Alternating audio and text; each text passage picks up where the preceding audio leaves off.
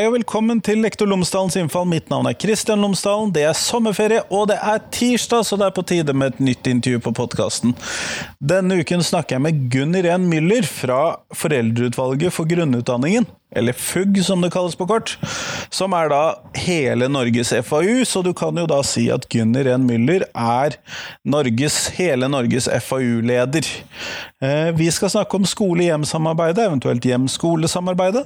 Vi skal snakke om hva som er viktig der, vi skal snakke om hva FUG er for noe.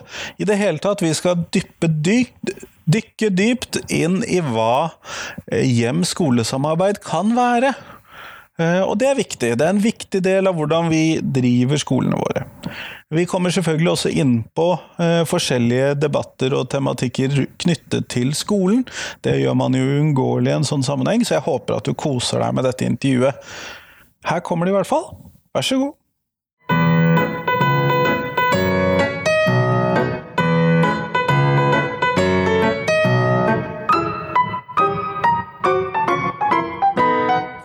Gunn Irene Miller, tusen takk for at jeg har fått lov til å komme og besøke deg her i dag. Takk for at du kom. Det var eh, veldig morsomt å bli spurt. Eh, før vi starter selve intervjuet, kunne du ha fortalt lytterne mine tre ting om deg selv, sånn at de kan bli litt kjent med deg? Ja, eh, jeg er leder av Foreldreutvalget for grunnopplæringa. Det kommer vi tilbake på. Jeg er sivilingeniør og jobber som forsker. Gift og har tre barn. Og ellers så synger jeg og lager mat. Og strikker en hel masse. Og det var sikkert flere enn tre ting. Ja, det var flere enn tre ting, men det gjør ingenting. Men det, og du har helt rett, vi skal nå komme tilbake til dette med Foreldreutvalget for grunnopplæringen. Fordi at eh, hva er det? Hva er det? Ja. Vi starter der. Vi starter der. Vi er et utvalg som er eh, plukka ut eh, etter mange, i mange søknader fra Kunnskapsdepartementet er vi plukka ut. Og så er vi oppnevnt av Kongen i statsråd til å være et offentlig utvalg som er hjemla i opplæringsloven. Uh, og vi er da Vi var i utgangspunktet ni mennesker. Syv som sitter i utvalget, og to var her. Uh, vi har dessverre mista en, men vi er da åtte stykker nå som sitter i dette utvalget. Og utvalget skal være da Vi skal gi råd til KD, altså Kunnskapsdepartementet og Utdanningsdirektoratet. Vi skal samarbeide med aktørene i utdanningsfeltet. Og vi skal gi råd til foreldre og skoler og andre som tar kontakt med sekretariatet vårt om skole-hjem-samarbeid. For det viktigste med mandatet vårt er at vi skal være da Vi skal jobbe for godt samarbeid mellom hjemmet og skolen. Ja, nettopp. Og der kom du litt inn på en av de store spørsmålene som jeg har hatt med eh, Foreldreutvalget for grunnopplæringen, FUG, som det da ofte står på disse forkortelsene. Mm. For jeg Hvordan havner man der? Det har jeg. Hvordan havner man der? Jeg har liksom ikke, og det, Både som lærer og forelder så har jeg liksom ikke skjønt eh, koblinga fra mitt FAU og opp til FUG. Nei, og, og det er egentlig den store svakheten vår. At det ikke er noen kobling der. Jeg syns det er en svakhet. Det forklarer hvorfor jeg ikke har skjønt koblinga. For det er ingen kobling. Eh, eller, det er ikke helt sant. Men det som er greia, er det at vi har ikke noe sånn valgkretser. ikke sant? At man velger da en fra hvert fylke f.eks., og, og så ender man da opp i et nasjonalt utvalg. Eh, det som er um, Hvert fjerde år så skal det da en nyoppnevning til. Eh, da går det ut melding fra departementet til fylkesmennene om at de da må annonsere dette her ute. Og da ender man ofte opp med at enten det er FAU-er eller eh, kommunale foreldreutvalg, eller det kan være en rektor f.eks., eller, eller noen andre som, som da kanskje tar kontakt med noen da, som de syns har vært en, en aktiv foreldretillitsvalgt i en eller annen setting, og stiller spørsmålet kan jeg få lov å oppnevne deg. Eh, sende inn ditt kandidatur. Eh, og, og, det finnes også de som rett og slett oppnevner seg selv og sier at dette har jeg lyst til å holde på med, jeg prøver meg. ikke sant? Eh, men med de aller fleste tilfellene så vil det være noen at du er på en måte Sponset inn av en rektor, ja, eller ja. ja. Eh, og så går det da inn en søknad, og så sitter da eh, en, en liten, et lite utvalg i departementet og ser gjennom dette her, og så sørger de da for at når man setter sammen dette utvalget, så har man en masse kriterier. Det skal være omtrent like mange kvinner og menn. Det skal være folk fra hele landet. Det skal være noen som har store barn, noen som har små barn. Eh, noen som kommer og holder til på en liten skole, eller har barna sine på en liten skole. Eh, og noen som da hører til en, stor skole. Og så har man også noen andre kriterier. Eh, det skal være en representant fra Sametinget, eller Sametinget oppnevner et par stykker som man kan velge blant. Eh, det er, eh, noen skal representere barn med spesielle behov. Eh, det skal være noen foreldre som har utenlandsk opprinnelse. Og så kan man jo stille spørsmål ved det. Da er det de rette som er valgt ut på den måten? Og jeg, vi har vel hatt noen runder i utvalget hvor vi ser litt på det. For vi, vi ser jo at det er mange grupper da som ikke har sin representant inn. Ehm, sånn at det kan jo hende at, ha, at, dette skulle vært gjort på en annen måte. At man skulle hatt f.eks. valg eh, lokalt der ute, og, og, hatt et regionalråd eller noe sånt som da sendte en representant, eller et eller annet sånt. Og at man heller snakka med da disse ulike gruppene. Ehm, når, eh, når, man da hadde behov for å høre stemmen til, til noen eh, spesielle. Ehm, men sånn er det nå i dag. Men, men, men eh, det er ikke nødvendigvis skrevet i stein at det må være sånn. Nei, men da skjønner jeg det litt mer. Men, eh, og det ville jo vært begrenset hvor mange grupper man ville klare å dekke inn på ni mennesker. Ja, Som sitter i utvalget, ikke sant. Ja. Og dermed, Det er derfor jeg tenker at det blir kanskje litt feil å plukke ut og si at men disse tre er viktigere enn de andre. Hvis man da først skal ha eh, altså, kall det spesialrepresentanter i gåseøynene, da. Mm. Kanskje det hadde vært riktigere å ha bare vanlige foreldre. Eh, som, som, gikk gradene, og så, og så brukte man hele, hele, nettverket sitt til å snakke med eh, ulike grupper til ulike tider. Samtidig så ville vel det da også vært en viss form for selvseleksjon der, som ville tilsagt at man ville blitt relativt ensartet. Uh, ville jeg tro, ut ifra hva jeg har sett av FAU-er ja. jeg har vært med i tidligere. Ja, og det, det, er jo det som, som, tidligere, hun som er avtroppende kontorsjef her nå, sier at da blir det, vet du, hvis vi hadde hatt sånne valg, så blir det bare sånne som deg, vet du, sånne middelaldrende damer i 40-åra. Altså, som, som, som, har uh, fått litt store barn. Um, og det kan jo hende at det ja, men så fordeler og ulemper. Men da forstår ja. jeg litt mer hvordan man havner der. For det har jeg, må jeg innrømme, har lurt på siden jeg begynte som lærerstudent og skjønte ja. at FUG var noe å bry seg med. Så var det litt sånn Hvordan? Hvordan, ja. ja. Men, I mitt tilfelle var det en rektor, da. Som så at jeg hadde gjort mye jeg hadde vært FAU-leder i et par runder. Og, ja. mm. Men det, dere skal da representere foreldre i helt fra første klasse til tredje videregående? Var det sånn? Nei, nei, egentlig så er det til og med første videregående helt sikkert, fordi at barna fyller jo altså, Eller ungdommene, da vil jeg kanskje si. Fyller jo 18. De blir jo voksne en gang. De blir jo voksne en gang. De fyller 18 i løpet av andre klasse, de fleste av de. Eller noen drar jo helt til høsten i tredje klasse før de kommer så langt. Men ja, de fyller jo 18 etter hvert. Så vi har mandatet ble utvida til å gjelde da første året på videregående. Men vi syns jo det er noe forferdelig tull. Vi mener jo det at eh, så lenge barn eh, bor hjemme, og da er de barn. Uh, uansett hvor gamle de har blitt, så lenge de bor hjemme. og de forsørges av sine foreldre. Så syns jo vi at det er et forferdelig tull at ikke vi skal kunne være kontaktpersoner. Uh, jeg skal kunne da uh, Jeg har en datter som er 18 nå, min eldste. Og hvis ikke hun hadde gitt skolen eksplisitt beskjed om at de hadde lov å ringe meg, så ville ikke jeg fått beskjed hvis hun ble kjørt i hu og hast til sykehuset i en ambulanse. Og hvorfor ikke det? Eh, altså, hun bor hos meg, hun forsørges av meg, hun, det er mitt barn. Eh, og hvis hun hadde glemt å sende inn den lappen, så fikk jeg ikke noen beskjed, for det hadde ikke skolen lov til å gjøre. Nei, og um, det, det, ser jeg jo når jeg er eh, Siden jeg er lærer i videregående, ja. så ser jeg jo både elever som eh, storjubler over dette, og foreldre som ikke er fullt så happy for det punktet. Ja. Nei, men dette er en av de tingene vi har snakka med bl.a. Elevorganisasjonen om, og som vi har snakka med Utdanningsforbundet om. Og de virker for så vidt litt sånn ja ja, hvorfor ikke? Jo, kunne like gjerne ha vi kan godt at dere får beskjed, vi. Ja. ja nei, men så, så, så, mandatet går opp til eleven blir 18 år, mm -hmm. og det ser jeg. Men uh, du snakket om at uh, foreldre, eller det der eh, skole-hjem-samarbeidet er det viktigste dere jobber med. Ja. Og det vil du høre om. Ja, og ja. det vil jeg! altså, det er mye forskning som viser at når det skole-hjem-samarbeidet fungerer, eller hjem-skole som vi pleier å si mm. Alt er perspektiv. Ja. Eh, så eh, når det fungerer godt, så lærer barna bedre, og de trives bedre på skolen. Og da tenker jeg, da må man jo bare nødvendigvis sikre at det funker på en bra måte. Fordi det kommer alle barna til gode. Også der hvor det ikke hvor det kan butte litt imot for foreldrene. Hvis de andre foreldrene er sterke og trygge og står på, så hjelper det skolemiljøet for alle barna. Så det er, eh, det er på en måte liksom ledestjerna vår der oppe. Da. Det å vite at vi, vår innsats kan bety at barna våre ikke bare trives bedre, men de lærer bedre også. Um, og det er jo en hel masse måter som man kan jobbe med dette her på. Uh, det er jo gjennom på det helt enkle at man får til de gode samtalene uh, når man har uh, disse årlige to, altså to ganger i året samtalene med Disse foreldresamtalene. Ja. Det at det settes av nok tid der, f.eks. Der syndes det jo masse fra skolen. De skal spare penger, eller de skal spare tiden, eller vet ikke.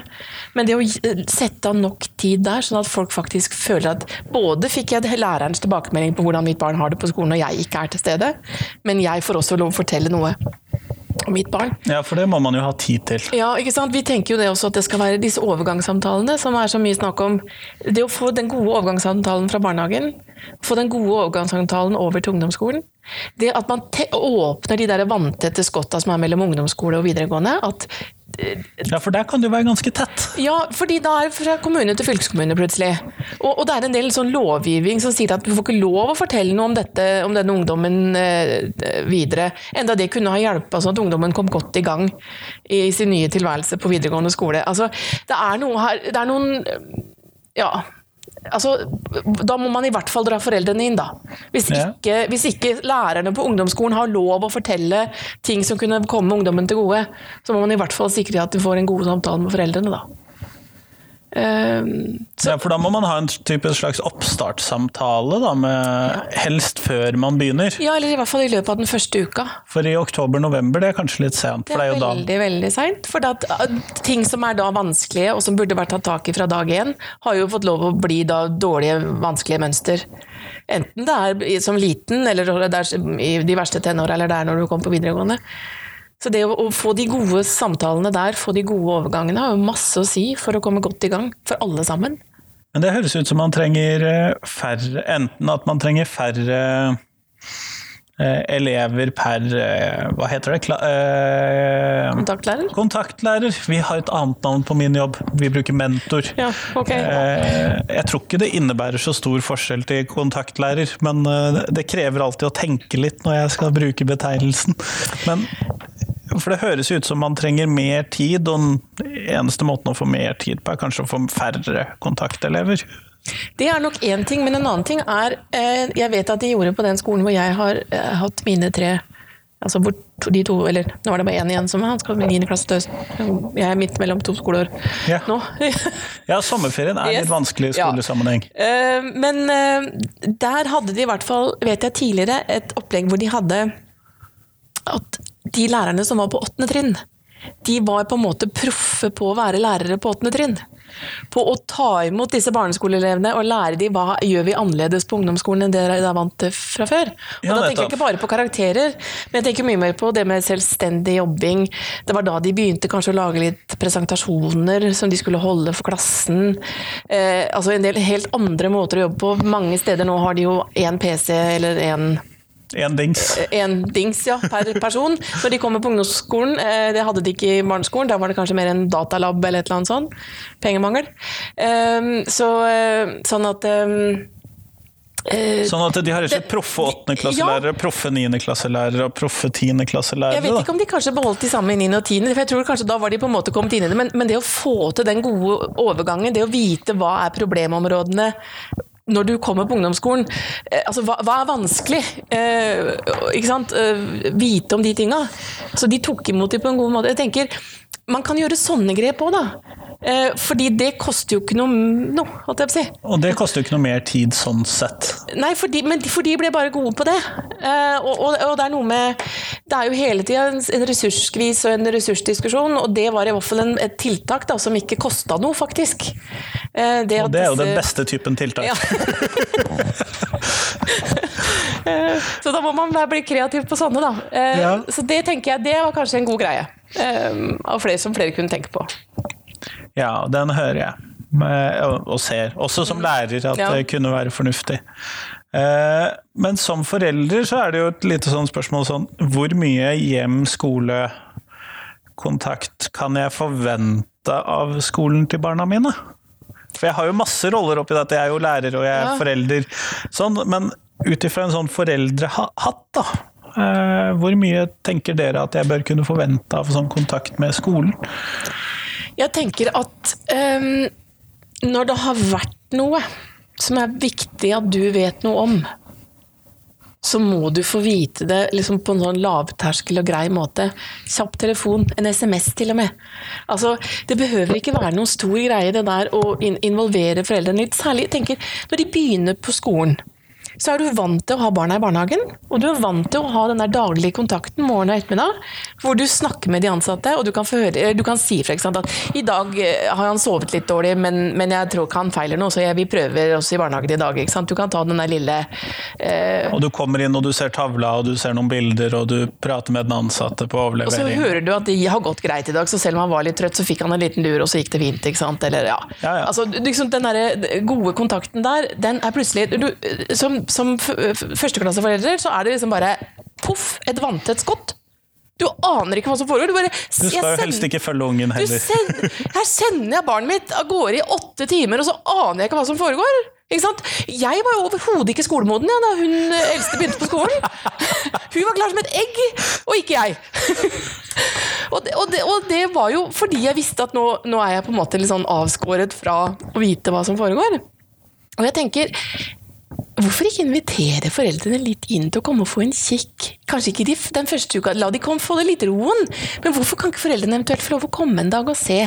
Så får de sånn inntrykk av hvordan jobber de? Hvordan, hvordan setter de sammen en gruppe? Hvordan tenker de om hvordan altså, Bare det å få se eh, tror jeg ville gjøre at mange fikk liksom skuldrene litt ned, for de visste at når, når ungene snakka om noe hjemme, så kunne de se det for seg. Det er én ting, tenker jeg. Men, men også sånn, har, hvis det har vært en episode en dag som du tenker at du, som du så at gjorde inntrykk på ungen på en eller annen måte, og la foreldrene få vite om det. Si at det er ikke noe gærent, men jeg så, la merke til at det, at det gjorde litt inntrykk. Eller, altså, så Enten det kan- er positivt eller negativt. ja, for jeg tenker, altså, Hvis det er noe de tenker at dette kunne være greit at de snakker om hjemme, at de vet om hjemme.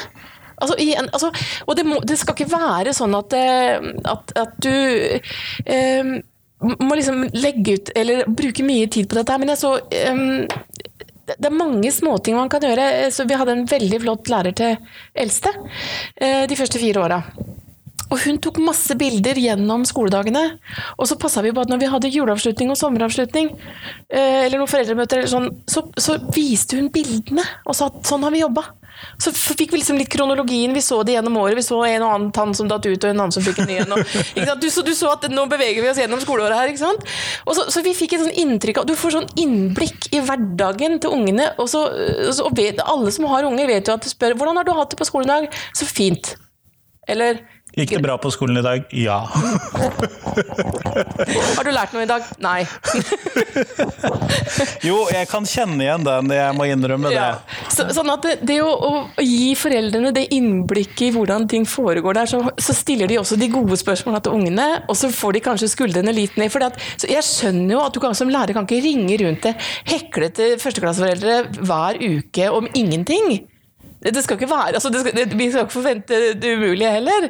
Men det er liksom, bruker man de kanalene man har Kan man ha en lukka side, bruke fronter eller sånn, så legge litt bilder der og så skrive litt 'I denne uka har vi holdt på med' ikke sant? Altså Litt sånn for å prøve å vise foreldrene hva man holder på med. Det er noe med åpenheten eh, og det å bygge liksom alliansen i fredstid. da. Sånn at den dagen som det er noe som skjærer seg, så vet man at vi, vi snakker egentlig godt sammen. Så nå må vi bare sørge for at vi fortsetter å gjøre det. Eh, Jeg har jo sett det på skolen til barna mine. De bytter nå fra Montessori-skole til en i gåseøyne vanlig offentlig skole. De skiller seg jo ganske mye fra hverandre, de òg. Men uh, hvor de da har hatt sånn observasjonsstol i klasserommet, sånn at uh, etter noen uker inn i skoleåret så kunne foreldrene booke den og sitte der en time og se på elevene jobbe, eller hva de nå drev med den Ja. dagen. Eh, og det har jeg ikke vært borti før på offentlige skoler. nei, eh, jeg kjenner heller ikke til at det Og jeg har jo vikariert på noen av dem sånn rundt omkring, sånn at det, Det er ikke stort datamateriale, men det er litt, i hvert fall. Mm. Men jeg tror det er mye skolen kan gjøre som er ganske lavterskel, da, som ikke krever veldig mye jobb på slutten av en lang uke. Eh, som, ville, som ville på en måte gi foreldrene et innblikk, da. Og så selvfølgelig også når noen tar kontakt, ta de på alvor. Men jeg tror mange kanskje ville ta mindre kontakt hvis de fikk det der lille innblikket. At det blir mindre mas. Hvis de var litt mer på tilbudssida med å gi ut eh, informasjon eh, om smått og stort. At på ukeplanen så sto det kanskje noen få setninger om eh, hvordan uka hadde gått, eller ja. Hvilket inntrykk er dere av- den sånn informasjonsflyten hjem? Fordi at eh, Eller jeg skal starte spørsmålet et annet sted. Ok. Eh, Når man diskuterer lekser, om man skal ha lekser eller ikke ha lekser, Ja. så trekkes ofte fram eh, dette argumentet med at dette er den måten foreldrene får vite hva som skjer på skolen.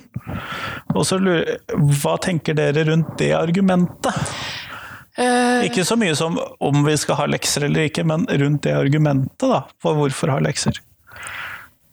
Jeg ser poenget i det at da kan man jo følge barnet faglig sett.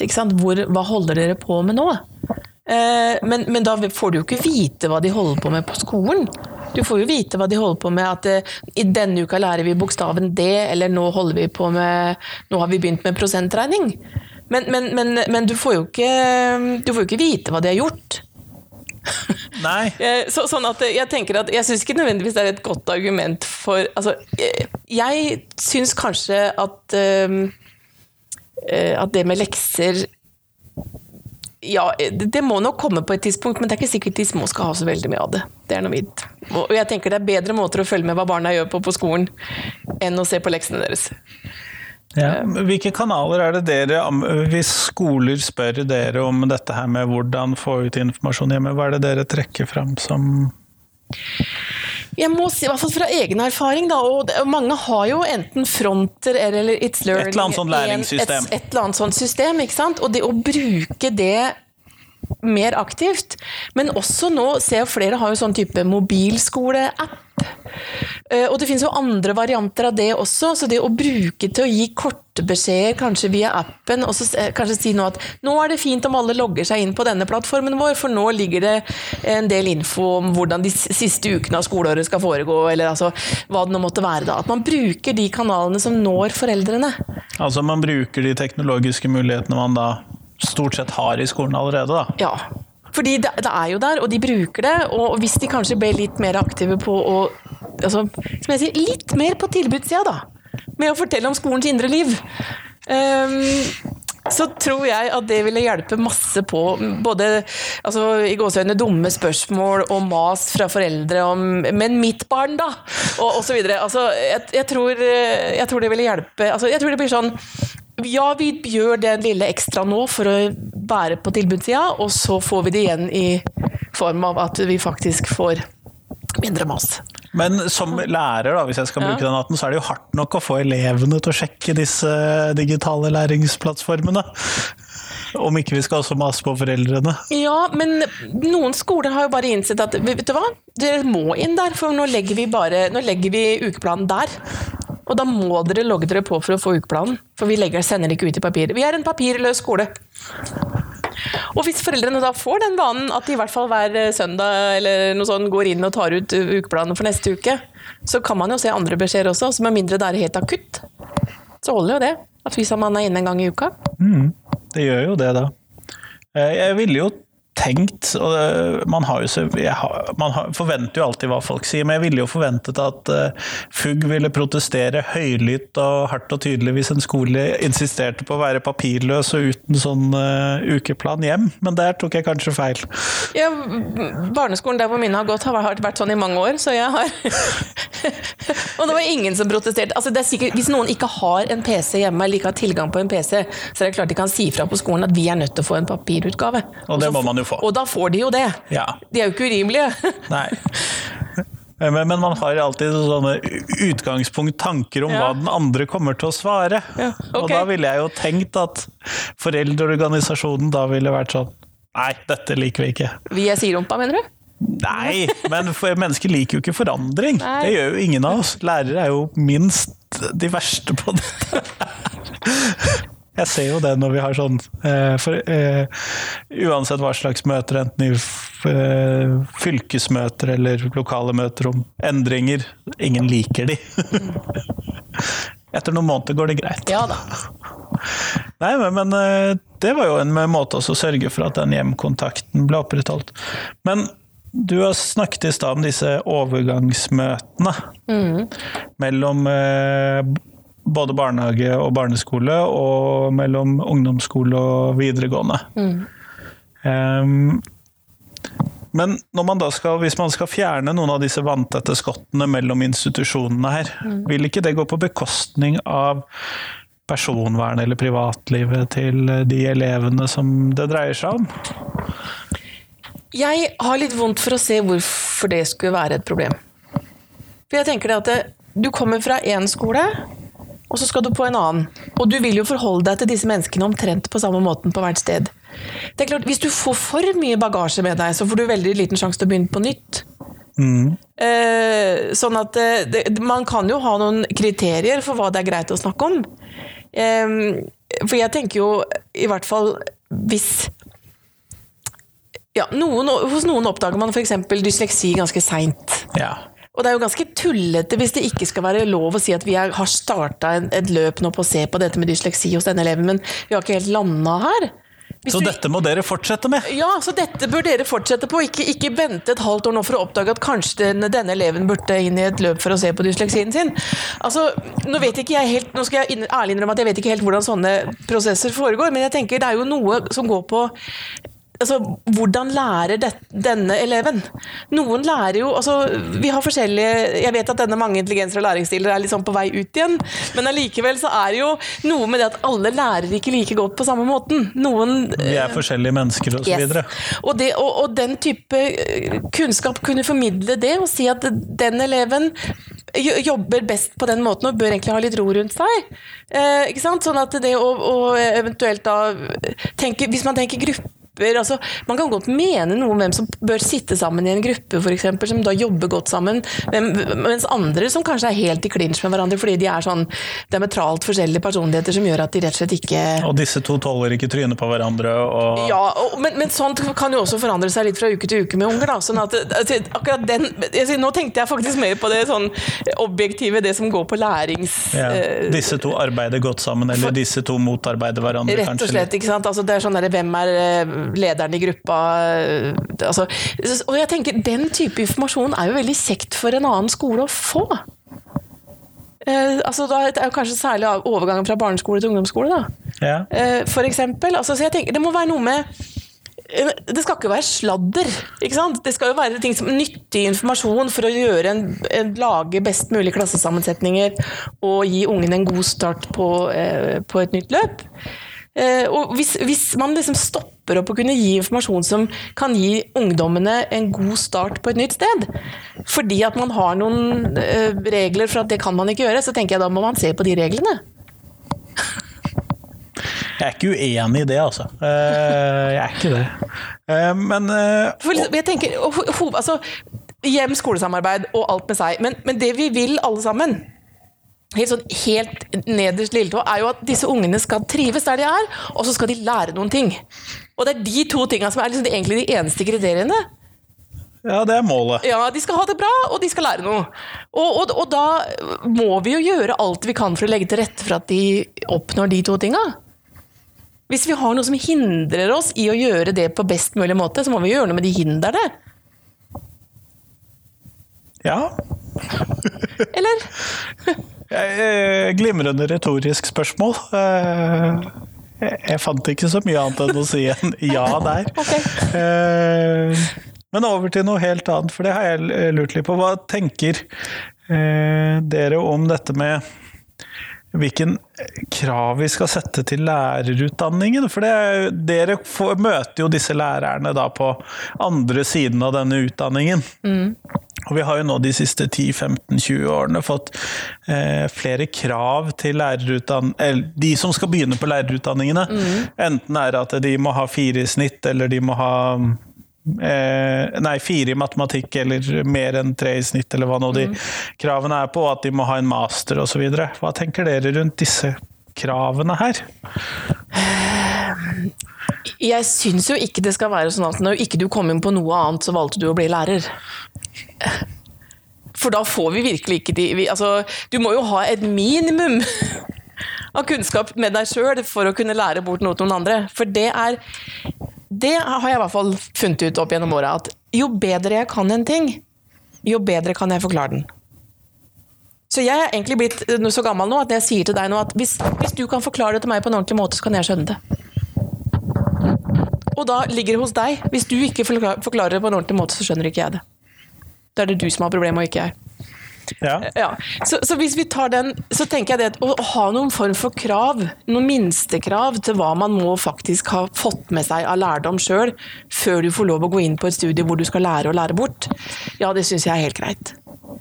Men eh, det vi har stilt spørsmål ved, og som vi har egentlig utfordra på i flere runder i høringssvar, er vi syns det er veldig synd at spesialpedagogikken er blitt så nedtona. For vi mener jo at med alle de reformer som har vært, og med alle de unger som skal inn i skolen eh, Og vi vil gjerne at de skal være der, for, forstå meg riktig, eh, men, men det, før hadde man andre systemer for det. Nå skal alle være i samme klasse. Da må også de lærerne som skal være der, ha verktøy på plass for å kunne håndtere alle de forskjellige barna som er der. Ja, og Det har jo vært nettopp et tema på podkast med at eh, spesialundervisning eller spesial, den spesialtilpasning, spesialpedagogikken, ikke er en nevneverdig stor del av lærerutdanningen. Ja, og det har vi påpekt i flere runder, og sagt at dette er vi ikke enig i. At når man nå faktisk utvider lærerstudiet til fem år, først ble det til fire, og så ble det til fem, og så klarer man å tone ned kanskje noe av det viktigste for å sikre at man har alle med, det, det, er vi ikke for. Og det ble vel heller ikke noe mer pedagogikk, sånn generell, sånn, uh, generell pedagogikk heller? Nei. Så vidt jeg kunne Nei. se. Det ble fortsatt 60 studiepoeng eh, med pedagogikk. Ja. Selv om man hadde 60 studiepoeng ekstra å ta av. Mm. Uh, det syns jeg var litt underlig, må jeg innrømme. Men det at, um, at man har mer dybdekunnskap om de faga man skal på å undervise i. Det syns vi for så vidt er en fin ting. Men, men, det ble kanskje Jeg er ikke sikker på at det ble den balansen som vi hadde ønska oss, da. Det, øh, I våre tilbakemeldinger så har vi vel egentlig påpekt at vi syns at her bør noe gjøres med det. At det er noe som mangler? Ja. Og vi syns vel også det at uh, foreldrenes engasjement og foreldrenes mulighet til å være med og bidra til sine barns læring, har jo også blitt tona veldig ned uh, i det er veldig lite som foreldre er nevnt i det hele tatt, eller hjemmet som sådan er nevnt. Ja. I alt som heter uh, forslag som har vært ute. Men i hvilken plass synes dere at foreldrene burde ha inn Det blir vel da med, kanskje mer inn i skolen enn inn i selve lærerutdanningen, da? Ja, for all del, men, men allikevel så, så, tenker jeg det går jo på eh, Altså, det at man i lærerutdanningen faktisk lærer noe om hvordan man skal håndtere foreldrene. Ja, Nei, det gjør vi jo ikke. Nei, eh, og er, den har jo vi også forsøkt å gjøre noe med. fordi at eh, vi mener jo det er helt feil. At det skumleste man skal gjøre når man begynner å jobbe, er å forholde seg til foreldrene. De Foreldrene vil jo det aller beste for ungene sine, ikke sant? og de, eh, de sender de beste ungene de har på skolen. Og så, og, så, og så, føler man jo at man nærmest har horn i panna når man ser skrekken i blikket på denne unge læreren som Nei, det skal ikke være sånn. Og jeg må jo si, nå har jeg hatt barn i skolen i 13 år. Og én en eneste gang har det vært med en lærerstudent på en foreldresamtale. Én gang! På alle de åra. Alle de samtalene. Ja, det er jo ikke et krav om at vi skal det. Nei. Men jeg tenker det er jo helt feil. At man ikke får den opplæringa. Og at man ikke får eh, øve seg på de vanskelige samtalene i rollespill og i, på andre måter eh, i lærerutdanninga. Altså, sære vene. Når, når, det er tilbakemeldingen at Vi har snakka mye med, med, pedagogstudentene, og um, de ønsker seg liksom to ting. og Det er en sånn mentorordning når de begynner å jobbe. Og det er mer eh, undervisning om og, hvordan håndtere foreldre. På en måte. Ja, dere er jo skumle. Grusomt skumle. Um, og, og, eh, og, vi har nå Men vi har gått inn i et samarbeid vi nå med pedagogstudentene. Siden, for vi, er, vi, har prøvd nå i årevis å komme inn på lærerutdanningene. For vi tilbyr å sende flinke rådgivere, vet du. Gratis. Og så vil de ikke ha oss.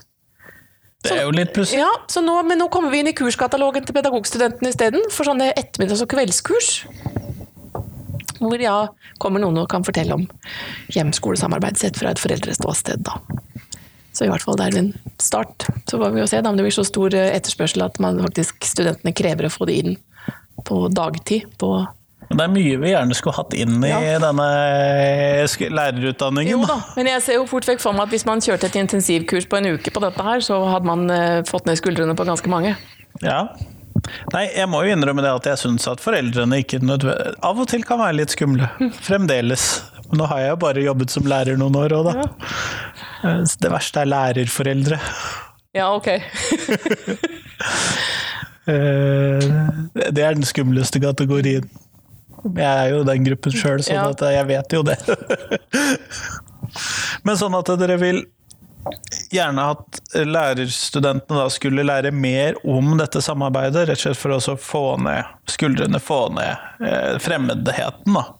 Ja, det tenker jeg det måtte jo være en, en lur ting, rett og slett. At de hadde fått vite mer, fått, fått litt mer under huden på, på dette her. Altså for det, det mange sier, da, som jeg har hørt sitert, er jo at de kommer ut i skolen og så kjenner de at de føler seg helt trygge på å stå foran klassen. De har alle verktøyene de trenger for å håndtere ungene og, og drive undervisning. Men foreldremøtene er jo liksom, Det er jo Da er det med klaprende knær og Og hjertebank, liksom. Og det, det burde jo ikke være sånn. Nei, det burde jo ikke det. Det har du helt rett i. Ja.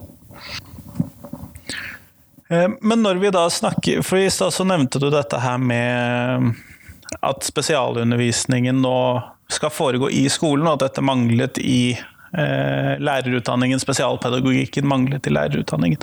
Men hvordan tenker du at eh, skolen skal kunne klare å gjennomføre tilpasset opplæring for både de svake og de sterke elevene samtidig? For det, foreldrene kommer jo da med, som du sa i stad, de, de beste barna de har. Og noen av disse barna er hva skal vi kalle det, mer tilpasset dagens skole enn noen av de andre barna. Og de aller fleste er jo midt på treet, men hvordan skal vi klare å tilpasse oss både de helt der oppe og de som trenger veldig mye mer støtte samtidig? I en stor klasse. Ja, det, hvis jeg visste svar på det, så kunne jeg sikkert gi ut bøker og, og, bli, holde foredrag og alt mulig. Altså, jeg tenker jo, Nå har vi jo fått denne eh, lærerreformen. Altså at vi Denne skal få- Ja, eh. ja, at vi skal ha flere lærere. Um, og, og jeg har jo en tro på at det å kunne ta ut grupper og gi styrking, enten det er da at de skal ha ekstra eh, dybdelæring og ekstra utfordringer, eller om det er for å gjenta det som alle de andre har fått med seg. For å gi de riktige utfordringene. Yes, ikke sant? Altså, at alle skal på en måte Det vi er opptatt av, er at alle barna skal ses der de er, og oppleve både å bli utfordra, men også å mestre på det nivået de er på. For å gi rett og slett læreglede. Um, og da må man jo eh, legge til rette, og det er jo det som mange lærere strever med, at de har for liten tid. Men håpet er jo at disse ekstra ressursene skal kunne brukes på den måten. At man skal da ikke, ikke ha én lærer som varmer radiatoren mens den andre underviser. Eh, men, eh, fordi da det, hjelper ikke noe om det er to lærere i det klasserommet. Nei, og det blir det ofte hvis man Ja. bruker to flere lærere inn i samme rom. Ja, det, Så det er litt, kanskje litt meningsløst uh, i, i den type undervisningssituasjon. Altså, da må man benytte seg av Og om det blir da altså man ikke har grupperom nok, så må man benytte gangarealer eller hva som helst. Altså, det å ta ut en liten gruppe og, og la de få sine oppgaver, på en måte. Det har jeg sett flere eksempler på når de har greid å skrangle sammen en sånn ressurs. Ehm, hvordan, hvordan det kan på en måte gi et ordentlig boost da, for, for, den, eh, for det faget som de da har fått jobba ekstra med. Ehm, og jeg tenker Det er jo sånn man må gjøre seg, altså gjøre seg nytte av de ressursene som nå skal komme inn ekstra. Ikke bare få inn som jeg sier, en, en radiatorvarmer, men, men, men, eh, men en, eh, at, man, at man gjør andre grep med undervisningen. At man nå kan få til noen av de tinga. At man rett og slett legger om undervisningen tilpasset til at man er to, da. Eller flere. Ja, og, og, og som jeg sier da, hvis du har da eh, Si på et trinnet, da, så er det liksom åtte stykker som utmerker seg veldig i engelsk, f.eks. Men, men ta da de åtte ut da, fra de to klassene. Da må, da må man jo tenke timeplan, da, sånn at det er mulig å, å, at to klasser har samme faget samtidig. At man får det til sånn rent timeplanmessig. Men det å bruke de ressursene på en annen måte, ta ut den gruppa på åtte, gi de, gi de noe ekstra øh, prosjekt å jobbe med øh, i, i engelsktimene i en femukersperiode eller et eller annet. Altså, så, og, så, og, så, kan man bruke den ressursen på noen andre. På noe helt annet etterpå. Altså, for det skal, det, det, vi skal ikke ha noen fer, sånn ferdig delte grupper, så sånn nivå 1, 2, 3. Men mer det å bruke den ressursen til å få til noe ekstra som man til nå ikke har greid å få til. Fordi det ikke har vært ressurser nok. Så må man jo være kreativ med hvordan man bruker de ressursene. Og ikke bare tenke For, for nivådeling vil vi ikke ha. Det er jo ikke sånn faste nivåer. det det blir ikke noe godt klassemiljø Det sementeres ofte. Ja, det blir, og det blir ikke noe godt klassemiljø nødvendigvis. Og da får du heller ikke den med at, at, uh, at man hjelper hverandre og, uh, og som jeg sier, kan du noe veldig godt, så kan du forklare det òg. Eh, og det skal man ikke miste i en klasse. Det at man har noen som kan være til en ressurs for noen andre. Sånn at flere lærere står helt klart på FUG sin ønskeliste, da, med andre ord? Ja, men de må brukes riktig, de ressursene. Kan ikke bare ta oss og klasje de utover og fortsette som før. Nei. Da kan man like godt bruke de pengene på noe annet. Ja. Klar, klar og tydelig tale der. Ja. Nei, det må, det må komme det, klassen til gode. For jeg tenker, også som du sier, at alle de fleste elevene som er midt på, da, hvis de da ikke har disse andre som, som, blir urolige fordi de ikke får en utfordring, eller som ikke henger med, så de, derfor så krabber de under pulten og, altså, og forstyrrer, eller hva det måtte være. De vil jo også tjene på det, at de som sitter der, er på forholdsvis samme nivå, men da er vi jo inne på noe annet òg. Vi har jo også veldig for det med både framskutt og utsatt skolestart. Igjen da, fordi man vet at det kan være inntil fem årskull forskjell på en førsteklasse, eller på en klasse i barneskolen. Um, I verste fall. Sånn at eh, dere vil ha mer rom for å starte et år før, da? Eller vente. Eller vente. Ja. Eh, jeg kan fortelle om min hoppeloppe-Lars, min yngste. Som, som var dynamittgutt i barnehagen sammen med en god kompis. De to var det tre måneder mellom. Han er oktoberbarn, og bestekompisen var januarbarn. Og januarbarnet fikk jo dette ekstra året på skolen. Og Hoppeloppe-Lars, han begynte, og han, det, er ikke noe feil med UPAN, han lærer det han skal, men han er jo en forstyrrelse. Uten at han feiler noen ting. Og um, Fordi at han er barnehagebarn? Han var eller var barn? Ja, men foreldresamtale i treklasse. så fikk vi høre nå går det så mye bedre. Nå detter han nesten ikke av stolen i timen lenger. ja. ja. Og det tyder kanskje på at uh... Han kunne godt hatt et år ekstra med hoppelopping først. Uh, før han skulle sitte stille og lære noen ting. Uh, og hvis det var mer vanlig at man hadde utsatt og framskutt skolestart, og du hadde tre årskull i samme klasse, så ville for det første nivåene nærme seg hverandre sannsynligvis en god del med det. Men vil, det ville ikke være noe stigma. Det ville ikke være noe spesielt om du, ble, om du venta et år eller om du starta et år for tidlig. Det ville bare være sånn det var. Nei, for dette er det jo ikke mye rom for i dag. Overhodet ikke. Alle som søker, får nei, per definisjon. Og de som maser og krangler på den søknaden og søker en gang til, de får kanskje saken vurdert. Det hørtes jo ikke helt ut som god saksbehandling. Eh, nei, det er, det er det ikke, men det, sånn er det. Ha. Fordi at jeg ville jo tro at eh, søknadene skulle i hvert fall vurderes. Nei, du får nei per definisjon. Og så får du kanskje en vurdering hvis du ikke gir deg. Men det vil jo da Det vil jo utelukkende gi fordeler til sånne som meg. Som tenderer til å være maste klagete, og som jeg refererte til før, før vi begynte samtalen, at jeg allerede sendt første brev til skolebyråden og helsebyråden om nye skolen til barna mine. Mm. Sånne som meg vil jo gagne på dette systemet. Ja, fordi at jeg tenderer til å være masete. Så er det andre som er litt uh, mer forsiktige av seg, de ender da bare opp med at de spør ikke en gang til. Og det hadde kanskje vært helt riktig å få den saken behandla. Så vi mener jo egentlig vi kommer til det, at hvert enkelt barn bør vurderes uh, når de nærmer seg slutten av barnehagen. Så bør hvert eneste barn vurderes. Er du klar for skolen nå, eller skal du vente? Ja, nettopp. Ja, sånn at det skal ikke lenger være en sånn default Eller det vil si det, sånn nei, passelig standardstart, men Ja, passelig standardstart, men, men det burde være det, Alle barn burde vurderes på det.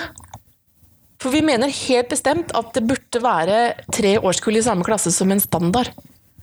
Sånn at Fordi at det ville samle på en måte klassen noe eh, når det gjelder nivå. For da begynner man til riktig tid. Så er det kanskje ikke fullt så vanskelig å faktisk tilrettelegge for, for de barna som er der. Og så, eh, så ville det bli Da ville de starte når de var klar. Det ville bli en lettere skolestart for sikkert mange flere. Men vil det ikke bli veldig hullete, hva skal vi kalle det, hullete gruppe? På hvilken måte da? Nei, når de er så spredt i alder, f.eks. Problemet er vel egentlig det at når det er så, det er, gruppa er jo nå kanskje med fem års eh, spredning når de er på samme alder. Men hvis de har fått en vurdering på at det er lurt at du venter et år, eller du burde starte litt før, så vil vi jo kanskje samle den derre Du vil få en veldig mer sånn hullete pubertet, vil du få. For da, for da vil noen være liksom langt foran de andre og sånn, men, men det er jo egentlig ikke nødvendigvis et problem, det heller. Jeg vil ha 16-åringer i én klasse og eh, 14-åringer i den samme klassen. Og klassen over vil du ha en 15-åring og 17-åring og Ja. Jo, jo, det, vi får jo 16-åringer på helt forskjellig utviklingsnivå til å fungere sammen òg, sånn at det Ja. burde jo ikke være altfor stor utfordring, det. Hvis de faktisk også er på samme nivå. Ish. Eh, Men hva tenker eh, dere om eh, seksåringene i skolen? Seksårsreformen, da, egentlig. Mer enn Ja, den var vi på høring, en høring om her i april. Da var det, for da var det stilt noen spørsmål om ikke det burde komme, burde komme noe mer eh, evaluering av det. Og det var vi veldig for. Fordi at eh, den ble jo bare igangsatt. Og så hadde man noen intensjoner rundt den. Annet at det skulle være både en barnehagelærer og en eh, allmennlærer. Det skjedde jo ikke så mange årene. Nei, det var jo i starten, og så plutselig så poff var det vekk. Eh, og så skulle det være mest lek og mye tid for å, liksom, bevegelse og ut osv. Og så mindre læringsmål. Og så plutselig så kom en, en ny reform, og så var det masse læringsmål også for de minste. Og mange av de seksåringene er jo kjempeklar for disse læringsmåla. De har jo kjempelyst, Ja. Mens andre igjen, de burde kanskje lekt et år sånn som vi nettopp har snakket om. Sånn at det å så, så jeg tenker jo at det kan godt være at eh, at eh, at det er greit at sånn standardalder er seks år. Det kan godt hende at det er helt ok, men, men kanskje hvis man da var mer fleksibel med oppstarten. Enten man starter når man er fem, eller starter når man er sju. Ja. Mm. Så, eh, men det å gjøre en vurdering på var det riktig at det ble så veldig skolsk fra dag én, og ikke, ikke den der overgangsåret. I, altså, I Danmark så heter jo dette barnehageklassen. I, Sverige kaller de det for nullte Eh, og, og på en måte gjøre et litt sånn poeng ut av det, at dette er liksom litt sånn før vi starter. Det har jo Steinerskolen har jo det i dag. Denne her, eh, det vil si, de har jo ikke noe lyst til å innføre den nye førsteklassen, så de har, har den fremdeles i barnehagen. Ja. Men, men da tenker jeg da er det De gjør et poeng av da, at ja, det er en innføring, det er en oppstart, det er en, et grunnlag, men det er ikke ordentlig skole riktig ennå. Eh, og den mista vi litt hos oss. Og jeg er ikke helt sikker på at det var bra. Nei, det har vært ytret før på denne Ja. Så det å få den evalueringen nå, eh, en gjennomgang på fordeler og ulemper, og hva mista vi da vi fjerna barnehagelæreren, og eh, den litt høyere tettheten av personal osv., det Ja. Evalueringer kan ofte være fint. ja. Men nå går vi helt mot slutten av podkasten her, og da, har jeg, da skal du få lov til å kose deg med mitt nye faste avslutningsspørsmål. Og jeg lurer rett og slett på, hvis du fikk lov til å lage deg et nytt fag i skolen, hva skulle det hete, og hva vil du ha inn i det faget? det skulle hete studieteknikk. Studieteknikk, Rett og faktisk. slett. Fordi Da antar jeg at jeg vet hva som skal inn i det òg. Ja, for det som eh, kan skje, er at man rett og slett kommer ut av skolen uten å ha lært studieteknikk i det hele tatt. Og så kommer man på universitetet, og så holder det ikke lenger å bare møte opp og høre etter og tro at dette går fint. Og det er ikke et tilfeldig valgt eksempel, dette her. Aldri vært borti det. Nei, ok. Da er, det heldig. da er du heldig. Um, jeg mener at alle må lære å lære. Og det, da er vi tilbake på det med tilpassa opplæring, egentlig. At hvis, du, hvis, alle, hvis, alt er så lett at det holder, holder, å stille opp på skolen og høre etter, så har du fått med deg det du skal ha med deg. Da, da har du ikke lært å lære. Og det trenger alle. Uansett hva det er de skal bli siden.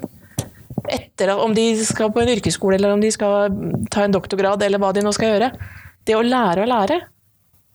Å kunne sette seg inn i nye ting, også i voksen alder, det er, blir mer og mer nødvendig. Og da å ha en god teknikk for å gjøre det, det trenger alle. Kjempeflott. Tusen takk for at jeg fått lov til å prate med deg. Sjøl takk. Dette var morsomt.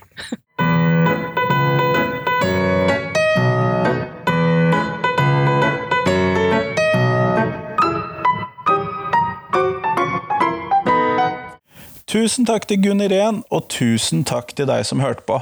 Nå er det bare tre dager til neste intervju, og da treffer du Kristoffer Kjeldsom Vogt fra Universitetet i Bergen. Han har jobbet mye med frafall, dette med livsløpserfaringer, dette med livs... hvordan hva som skjer i løpet av livet hvis vi ikke klarer å komme oss gjennom skolen osv. Han har skrevet om guttene i skolen. I det hele tatt, Vi skal snakke om mange spennende tema knyttet til frafall, livsløp, gutter, utdanning, yrkesfag utdanningsoppbygging, ikke minst. Mye mer. Dette kommer da altså på fredag. Da håper jeg at du setter pris på det. Vær så god.